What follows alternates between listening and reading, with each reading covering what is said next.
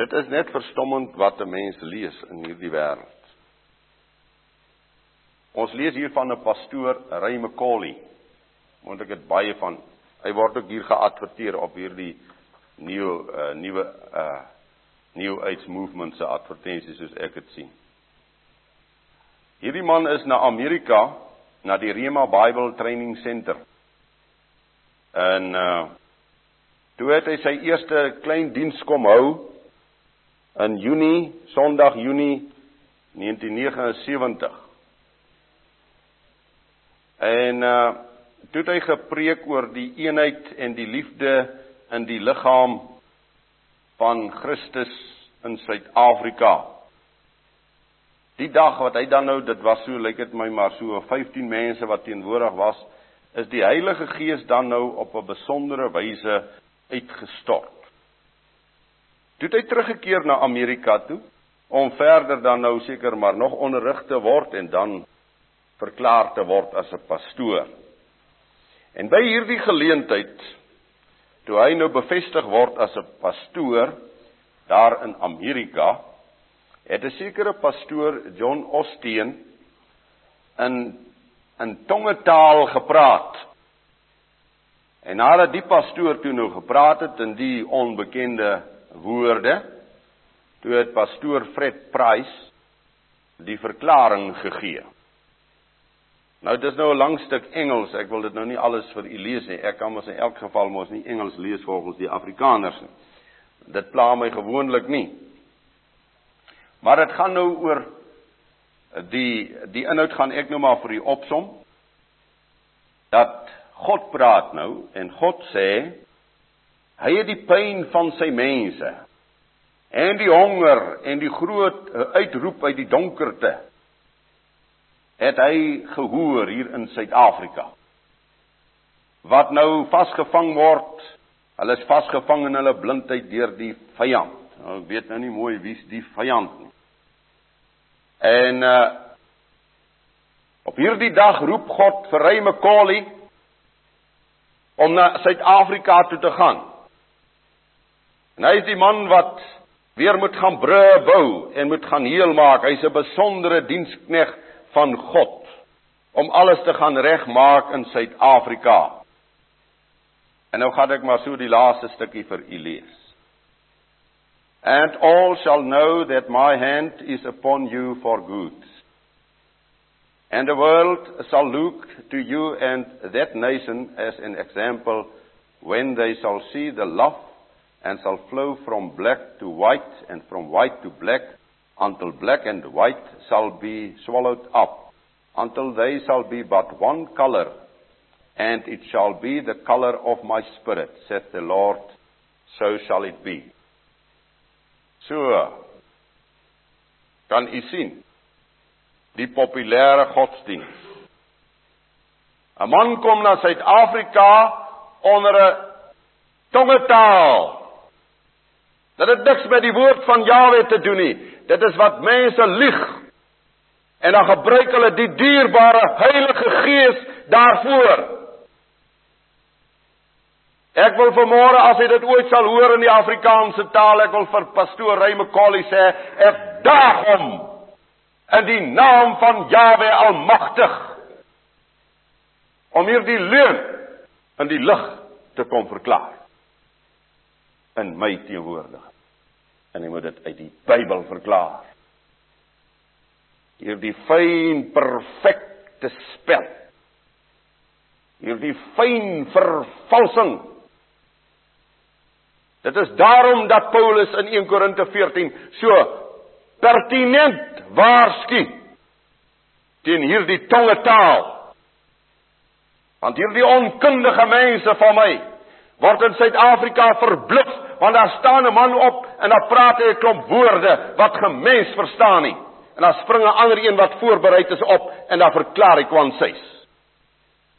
Ek kan vir u stories vertel. Moet nou nie dink ek praat goeders uit my uit my duim uit vanmôre. En ek het alle respek en alle eer en alle aanbidding teenoor elke gawe van die Heilige Gees. Maar is maklik om met sekere gawes spel te speel. En hoe is daar nie al spel gespeel met die gawes van Jawe nie? Kan ek vir enetjie vertel vanmôre? Vertel 'n pastoor my wat uit is uit die AGS kerk. Vertel hy vir my dat daar 'n vergadering, sekere predikant het nou, lyk dit my bietjie geld laat wegraak op 'n plek. Toe in die vergadering spring 'n predikant op, ag 'n pastoor op en hy preek in taal. Dis spring 'n ander een op toe lê uit, hulle moet nou afstap van die saak af. Jawe maak alle dinge reg. Maar dan nie verder aangaan met die klag en die probleem nie. Jy sien daai soort onheilighede. Dis waarheid wat ek vir u vertel. Dis waarheid. Dis soos dit loop. En hulle sal praat met groot woorde. Met groot woorde. Daniël sê hierdie valses sal groot woorde gebruik. Magtige woorde en u weet hoe magtig is die woord. Die gesproke woord van die mens het geweldig mag. Jy kan net 'n goeie spreker kry en hy hy sweep 'n massa mense op tot enigiets vir u en vir my moet die fondasie van alles bly kennis en waarheid. Kennis van hierdie boek en die waarheid van hierdie boek. Ons mag nooit optree sonder kennis en waarheid nie. En jy weet ons leef in 'n tyd waar omstandighede geskep word. Daar word 'n sekere toestand geskep. En wanneer jy 'n sekere toestand skep in 'n land, in 'n volk, onder mense, dan skep jy 'n sekere emosie. En wanneer jy 'n sekere toestand of emosie geskep het, dan is dit baie maklik om die mens te hanteer. En dan val hy so maklik in die leuen. As gevolg van die omstandighede wat rondom hom geskep word. Jy weet mos, as iemand siek is, dan storm party predikante die sieke dan meen hulle nou moet hulle hom bekeer. Terwyl ek van die Engels gepraat het, ag, die Vader gee tog humor. Jy weet mos van die ou wat in die see geval het net soos ek en hy kan nie Engels gepraat het. En toe die dominee hom gedink ek hy was nou so amper dood. Hy gaan hom nou sien. En toe vra hy ou Koos, "En wat was toe jou eerste gedagte toe jy daar in die nood in die water is?" Toe sê hy, "Ai dominee, ek het net gedink, sê nou jy spoel uit Engeland uit en jy kan nie woord Engels praat." Jy sien die omstandighede word geskep en as daar 'n omstandighede is, is daar 'n noodtoestand en daar reageer mense op 'n sekere wyse. En ek moet baie baie waaksaam wees en waaksaam bly. Ja Paulus sê so mooi, hy wat in die gees lewe, sal in die gees wandel. Jy kan maar elke keer gaan kyk in die eie persoonlike lewe. Die oomblik wanneer ek die Heilige Gees so 'n bietjie eenkant toe sit in my lewe, het ek moeilikheid. Praat van 'n gelowige mens. Maar as jy in die Gees lewe, dit wil sê as die Heilige Gees elke dag in jou teenwoordigheid, sal jy in die Gees wandel.